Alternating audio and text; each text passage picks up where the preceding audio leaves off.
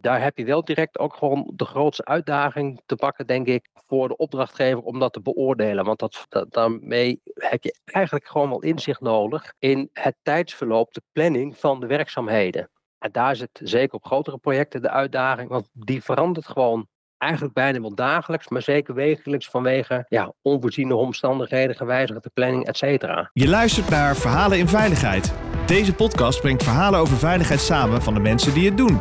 Met wisselende onderwerpen. Verhalen vanuit de wetenschap, verhalen vanuit de praktijk, maar vooral verhalen die raken uit ons mooie vak. Uw presentatrice Orlie Borlak.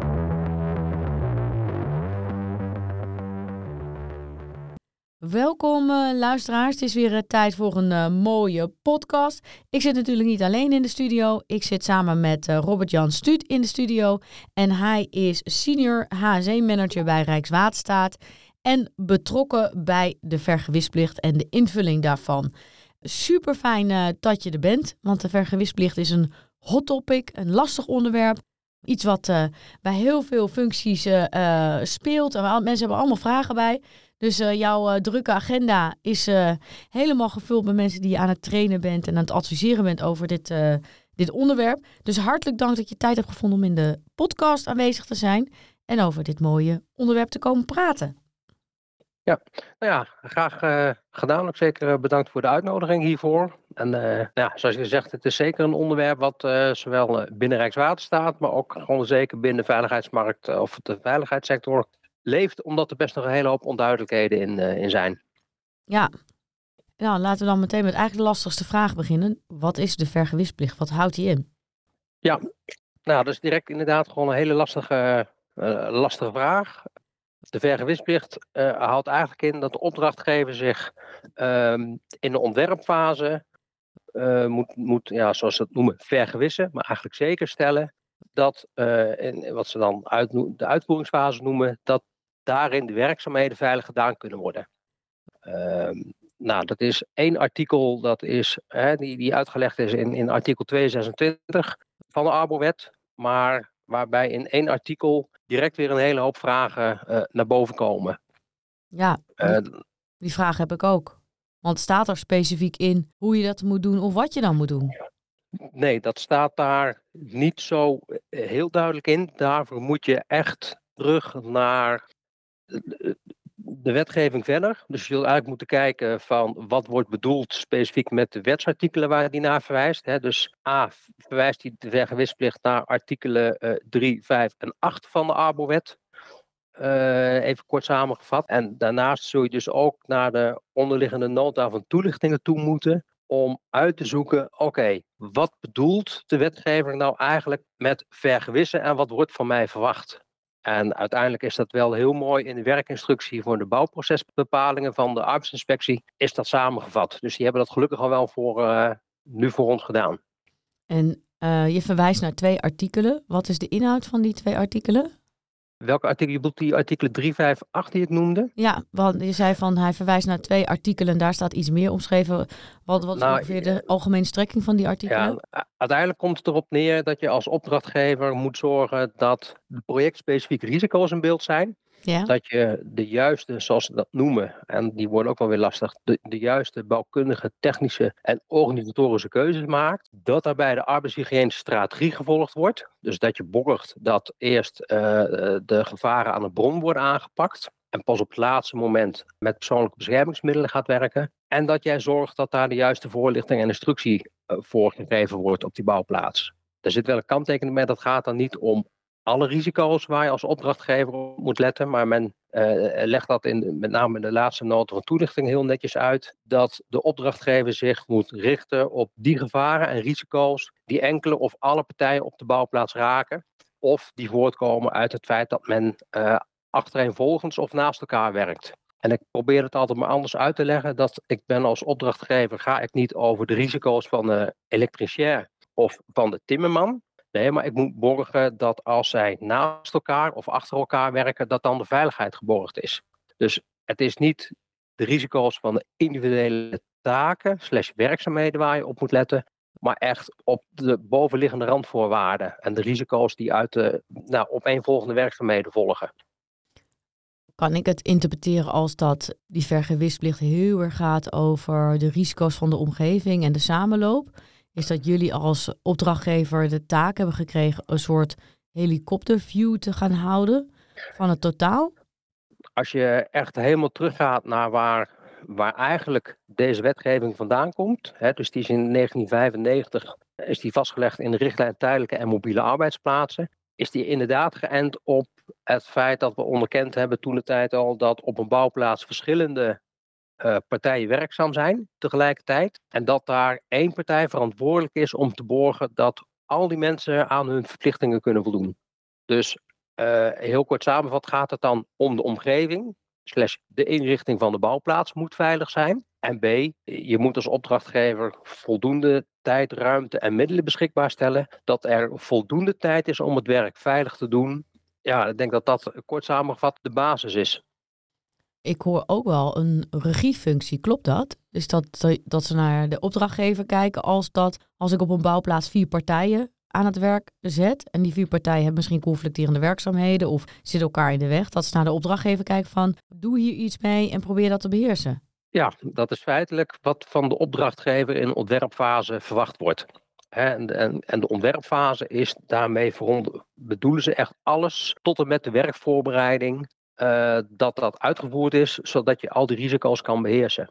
Uh, en daar heeft de opdrachtgever de verantwoordelijkheid dat die coördinatiefunctie wordt uitgevoerd. Dus hoeft hem niet zelf te doen, maar hij moet wel borgen dat die uitgevoerd wordt.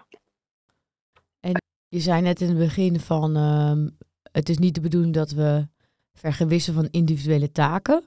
Hoe zit dat dan als je op de bouwplaats aanwezig bent en ja, je bent bijvoorbeeld uh, aanwezig bij uh, hijsactiviteiten? Verwachten ze dan van jou als werk, uh, als, als opdrachtgever, om daar je dan een mening over te vormen? Moet jij dan kijken of dat veilig gebeurt? Ja, nou, er zijn die, die, die, die ja, daar heb je als opdrachtgever een rol. Maar die gaat dus bijvoorbeeld niet over of men de juiste hijsbanden gebruikt, maar wel over ah, kan, die, kan die kraan goed opgesteld worden. Dus wat is de ondergrond? Uh, hè, is, is die kraan geschikt voor de werkzaamheden? Leveren die hijswerkzaamheden risico's op voor andere werkzaamheden die daar in de buurt zijn? Dus het gaat niet om de hijs aan, hijswerkzaamheden aan zich, maar ja, veel meer om de omgevingsrisico's. Um, misschien een ander, een ander mooi voorbeeld wat ze in de bouwprocesbepaling van de arbeidsinspectie wel hebben uitgewerkt, is bijvoorbeeld uh, als er sprake is van werkzaamheden waarbij nou ja, zware materialen geteeld moeten worden en er dus mogelijk fysieke belasting kan ontstaan. Uh, dan kan een van de maatregelen die je voorschrijft, is het inzetten van tilhulpmiddelen. Ja, dat, kan, dat kunnen verschillende dingen zijn. Wat verwacht men dan van de opdrachtgever? Men verwacht A, dat die beoordeelt of die tilhulpmiddelen geschikt zijn, maar ook of ze op die locatie gebruikt kunnen worden. Dus kunnen ze er gebracht worden of niet?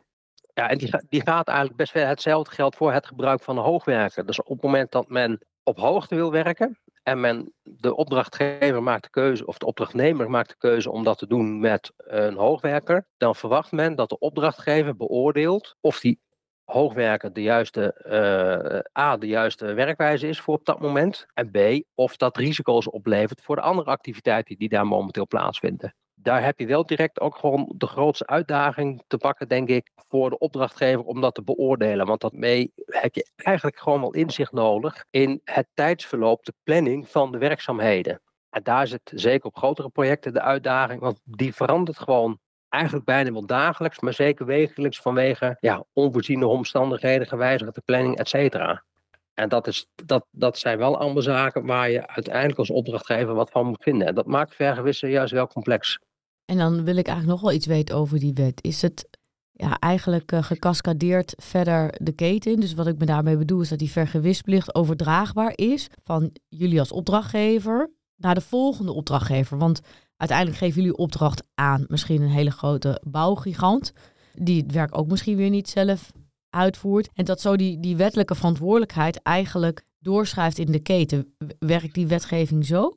Nee, helaas uh, zou ik zo bijna zeggen, niet nee. Nee, de Arbowet heeft, heeft een hele eigen definitie van de rol van opdrachtgever. En de definitie van een opdrachtgever is of degene die de initiatief neemt voor het bouwwerk, of degene die betaalt voor het bouwwerk. die twee afwegingen die, die leiden uiteindelijk tot de vaststelling wie is de opdrachtgever van het bouwwerk. En dat is ook de partij, of het kan ook wel eens twee partijen zijn, dat zijn de partijen die de vergewisplicht hebben. Ehm, en die blijven daar ook verantwoordelijk voor. Dus je kunt wel werkzaamheden uitbesteden, maar je blijft verantwoordelijk.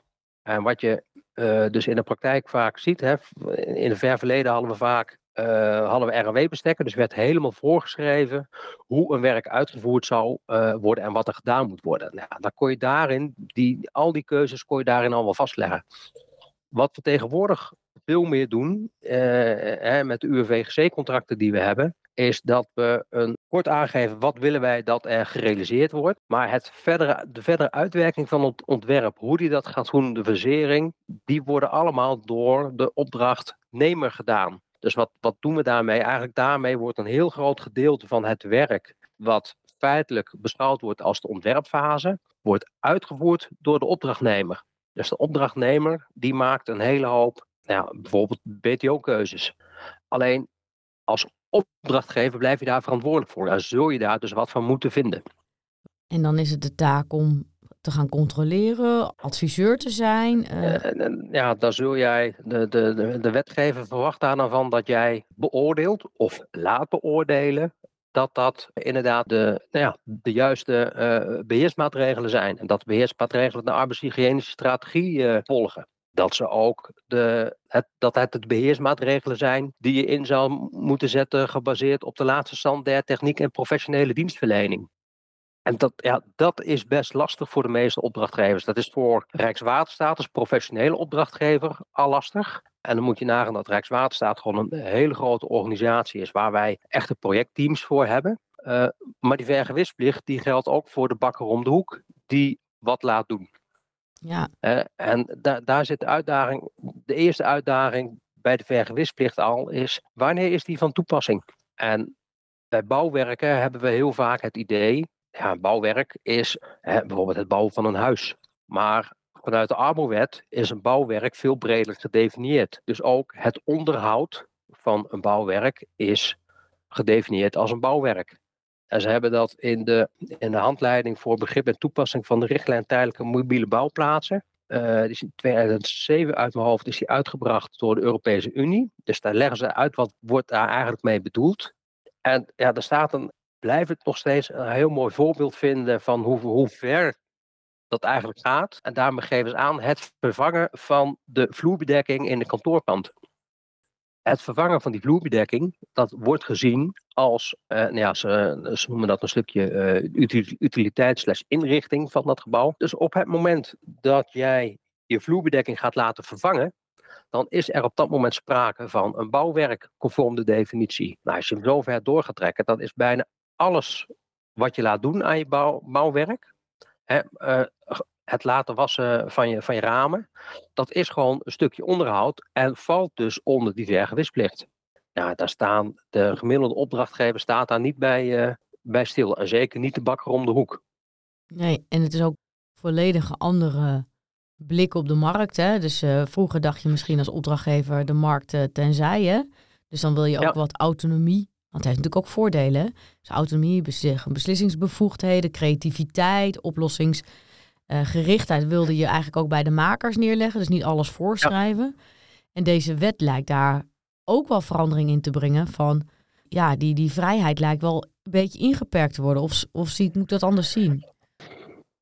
Nee, die vrijheid wordt in die zin niet ingeperkt. Maar je moet als opdrachtgever er wel op toezien dat bij het verstrekken van die opdracht dus veilig werken geborgd is. En ze leggen juist die verantwoordelijkheid bij de opdrachtgever neer, omdat dat degene is die uiteindelijk betaalt en dus de, de, de meeste invloed heeft aan het begin om ervoor te zorgen dat dat ook gebeurt. En misschien kun je die daarom wel vertalen naar, naar een dagelijkse praktijk, wat nu, nu natuurlijk echt een hot topic is. En het is het leggen van zonnepanelen. Even los dat dat heel veel bij natuurlijk particulieren gebeurt. Die, die, die hebben daar wel weer, uh, en dat hebben ze wel geregeld, dat daar die vergewisplicht door de opdrachtnemer of de ontwerpende partij ingevuld moet worden. Uh, maar er zijn ook een hele hoop nou ja, energieleveranciers waarbij je die zonnepanelen kan aanschaffen. En die zouden er feitelijk voor moeten zorgen dat gewoon geborgd wordt dat het op een veilige manier gebeurt. En niet dat dat gebeurt op basis van puur en alleen prijs. Hè, en wat je heel veel ziet, is dat ze die dingen gewoon via een ladder zo het dak optillen en zonder uh, stijger, randbeveiliging, et cetera, uh, neer gaan leggen. Ja. Dus hè, ze hebben nog steeds de vrijheid om, om allerlei keuzes te maken. Maar je moet daarbij wel gewoon borgen dat dat uiteindelijk gewoon veilig, conform de Arbowet gedaan kan worden.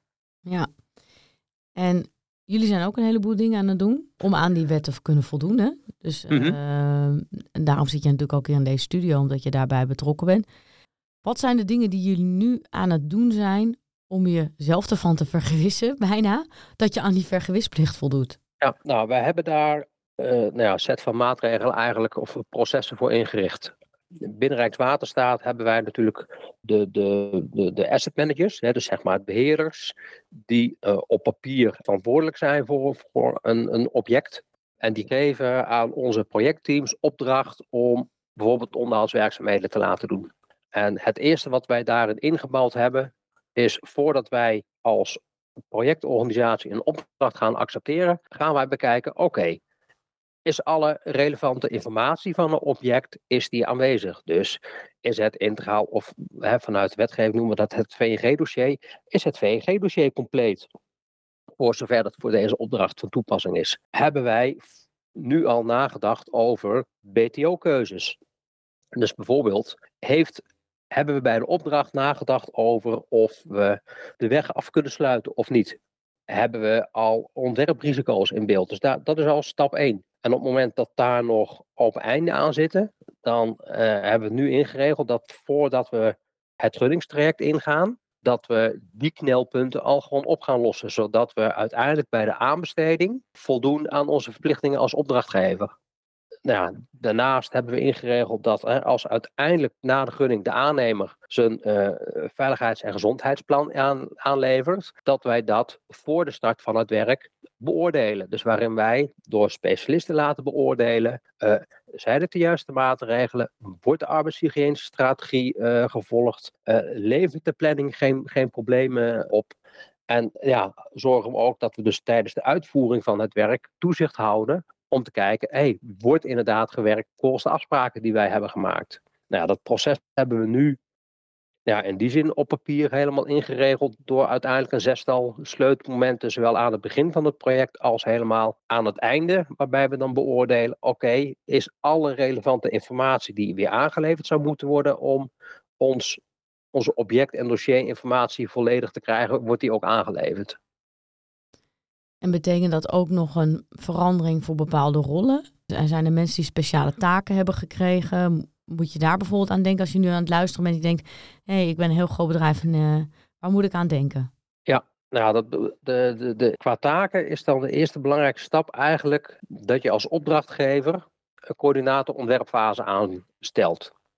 Uh, nou ja, die moet je aanstellen op het moment dat er uh, tijdens de onderhoudswerkzaamheden twee of meer verschillende werkgevers uh, werkzaam kunnen zijn. Ja, dat heb je, uh, dat is eigenlijk al heel snel is dat, uh, dat van toepassing. En je zult als opdrachtgever dus die coördinator ontwerpfase aan moeten stellen. Maar die zul je ook moeten gaan vertellen, oké, wat is jouw rol? Nou, hij moet erop toezien dat die vergunningsplicht ingevuld wordt. Maar je zult dus ook die man of vrouw moeten instrueren hoe hij dat moet doen. Dus het gaat verder dan alleen aanwijzen. Hè. Je moet echt aangeven, ik verwacht van jou dat jij op deze manier de vergewisplicht in, uh, invult. Nou, binnen Rijkswaterstaat hebben we die rol belegd bij de technisch manager, omdat dat degene is die zeker ook vanuit techniek het meest inhoudelijk in het project uh, zit. Waarbij die wel ondersteund wordt door een veiligheidskundige. Is dat een formele rol, die coördinaatontwerper? Is dat iets wat de wet ook voorschrijft, die rol? Dat is een, dat is een wettelijke wettelijke rol. Ja, dus de, die vanuit ja, niet direct vanuit de vergewisplicht, die volgt daar wel, maar vanuit die bouwprocesbepalingen is inderdaad ingeregeld dat je als opdrachtgever moet zorgen dat je A, zelf die coördinaten ontwerpfase uit, aanstelt, uh, maar ook dat in de uitvoeringsfase uh, een coördinator uitvoeringsfase aangesteld wordt. Ja, want dat zijn eigenlijk de twee hoofdpersonen die inderdaad in, in die overgang of tussen de ontwerpfase en de uitvoeringsfase samen moeten borgen dat, dat nou ja, die veiligheid geborgd is. Ja, mooi. Ik denk dat wij uh, wel meerdere podcasts hierover kunnen opnemen. Wat een ingewikkelde wetgeving. Ja. ja. Maar de, en zoals gezegd, die begint al bij het duiden van, van, van al die verschillende definities die erin zitten. En uh, om, om een stukje inkijk te geven, wij zijn uiteindelijk om dit helemaal echt uit te werken, zijn wij met 15 veiligheidskundigen een paar dagen in de hok gaan zitten om dit allemaal uit te werken. Wat wordt nu eigenlijk van ons verwacht? En wat moet er in een VNG-plan bijvoorbeeld staan? En da daar zit de grootste uitdaging dat het is niet zomaar alleen het lezen van één wetsartikel. Nee, het wetsartikel verwijst weer naar allerlei andere verschillende wetsartikelen. Uh, en daarachter ligt ook nog een hele hoop, uh, naar, naar A, een stukje noten van toelichtingen. Hè, van wat bedoelt de wetgever eigenlijk met die wettekst? Maar er zit ook nog weer een hele hoop jurisprudentie achter die maakt wat jij eigenlijk moet doen. Dus het is, het is best complex om, om zo even uit te leggen wat is de vergewisplicht en wat moet ik doen. Ja, mooi. Dan wil ik jou danken voor deze hele korte introductie. En ik hoop dat de luisteraar in ieder geval iets wijzer is dan toen ze nog begonnen aan deze podcast. Ja, graag gedaan, Olly. Je luisterde naar Verhalen in Veiligheid. Wil je niks missen van deze podcast? Abonneer je dan op deze podcast in je favoriete podcastplatform. Of laat een recensie achter via Apple Podcast. Dank voor het luisteren. Graag tot de volgende.